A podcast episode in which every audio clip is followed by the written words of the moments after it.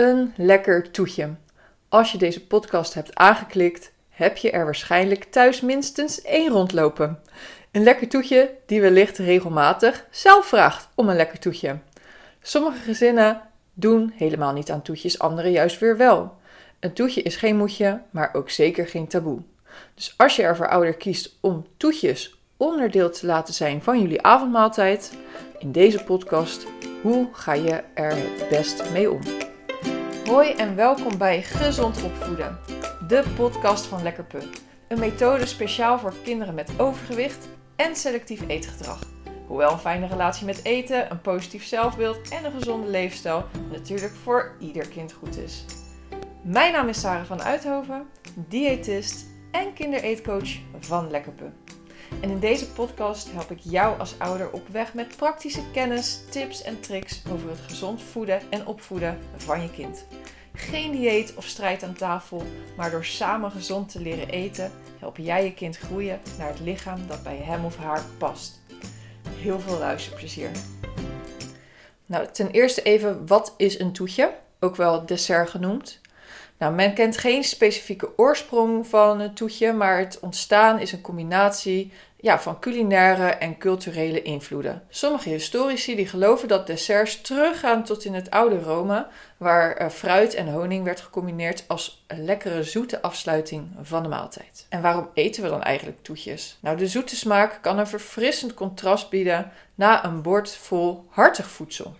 Het eten van een toetje kan ook een psychologisch effect geven, het gevoel van lekker, een beloning en voldoening als afsluiting van de avondmaaltijd. Ook kan het toetje gewoonweg een dik ingebakken gewoonte zijn die al generaties lang meegaat. Het toetje kan een bakje vla of pudding zijn, een stukje gebak of chocolade. Daar doe ik deze podcast ook meer op. Iets wat je echt ziet als een tractatie. Gewoon een schaaltje ongezoete magere yoghurt of kwark met wat fruit zie ik eerder als een extra maaltijd die eventueel een paar uurtjes na het avondeten gegeten kan worden door ja, je wat oudere kind die dan wat langer opblijft. Maar voor nu gaat het dus echt om die zoete tractatietjes. Belangrijk is dat jij je als ouder afvraagt: wat wil ik hiermee met die zoetigheid? Wat voelt fijn voor mij? Wat past bij ons? Geef ik mijn gezin een toetje of doe ik het niet? Of geef ik een paar vaste dagen in de week dat er een uh, toetje wordt gegeten. Bijvoorbeeld alleen de woensdag en de zaterdag. En dat is heel fijn, want kinderen houden van voorspelbaarheid. Hè? Als zij weten dat er op woensdag en op zaterdag een toetje is, zullen ze daarbuiten steeds minder vragen of zeuren om een toetje. En als ze dat wel doen, omdat jij weet dat jij alleen je kinderen op woensdag en op zaterdag een toetje geeft, kun jij op die dinsdag veel beter nee zeggen. Een uh, favorietje uit de praktijk. Uh, koop een whiteboard en maak hier een overzicht van de week op. En markeer dus de toetjesdagen, de dagen waarop een toetje wordt gegeten. Sommige ouders belonen of straffen met het toetje. Het toetje staat dan als trofee, een beloning aan het eind van een maaltijd, wanneer er goed is gegeten. Maar dat is eigenlijk scheef, want juist als je al goed hebt gegeten, moet je dan nog meer eten?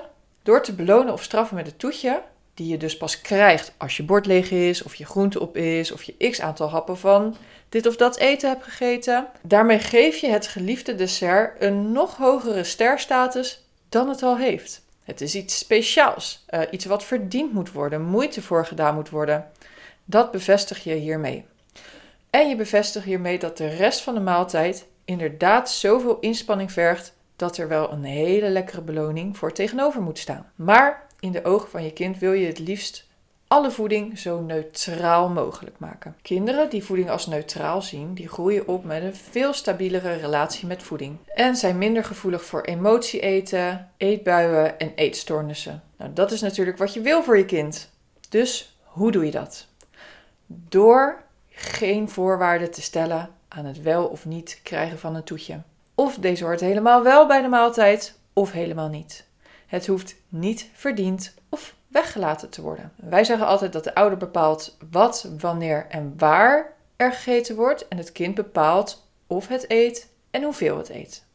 Nou, toetjes kennen hierbij een uitzondering, omdat de zoete smaak het bij de meeste kinderen met kop en schouders wint qua waardering uh, van de rest van de maaltijd. als het hier vanzelf zou mogen bepalen hoeveel het er van eet, dan zou het de buik vullen uh, en zou het ten koste gaan van uh, alle essentiële voedingsstoffen uit de rest van de maaltijd, zoals het groente, fruit. De, uh, nee, er zit natuurlijk vaak geen fruit in je avondmaaltijd, maar groente, granen, vlees of de vis. Nou, als ouder mag je dus wel de portie bepalen van het toetje tijdens het diner. Meet deze op voorhand voor ieder in het gezin af. Dus iedereen een schaaltje vla, een stukje taart of een puddingje. En je zet deze op tafel en dan geef je er een soort magische wending aan, die het eetplezier, de pret aan tafel en de ongedwongenheid in één keer verdubbelt. Namelijk, je zegt: iedereen mag het toetje eten wanneer hij of zij wil. Wat? Het ene kind zal inderdaad meteen aanvallen op het zoet, maar wanneer het heeft gekregen waar het het meest naar verlangt, en weet ook dat er niet meer zou komen, hè, dit is wat er is, zal het nu ontspannen, achterover gaan zitten en zijn blik openen naar alles wat er nog meer op tafel staat. Nou, ik heb nog honger. Waar heb ik nog meer trek in? En de ander die vrolijkt zijn boontjes op door eerst een hapje pudding te nemen, dan een hapje groen. En weer een ander zou inderdaad het lekkerst voor het laatst bewaren. En wat verwacht je dat jouw kind gaat doen? Probeer het uit en laat je verrassen. Dus in het kort, bepaal of jullie wel of geen toetje eten. Of bepaal op welke vaste dagen jullie een toetje eten. Meet de portie af per gezinslid. Zet het op tafel en dan mogen je handen eraf, want iedereen mag zelf bepalen wanneer het toetje wordt gegeten. Denk je dat deze tips jou kunnen helpen? Help ons dan, want wist je dat je bij Spotify pas een review achter kan laten wanneer je een paar afleveringen hebt geluisterd? Super eerlijk van deze app, maar daarom hebben we jou nodig. Dus scroll even naar boven, naar de sterretjes, klik hem aan en tik je aantal sterren in en dan zijn wij hartstikke blij. Nou, en dat was dus het toetje van deze aflevering. Dit was de podcast voor deze keer. Mocht je nou een vraag hebben, benader het Instagram-account van Lekkerpe, lekker.pe, en stel daar je vraag in een privéberichtje.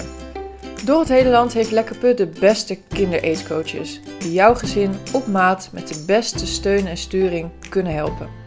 Dus zoek jij naar meer hulp, kijk even op de website www.lekkerpub.net voor een eetcoach bij jou in de buurt. Tot de volgende keer!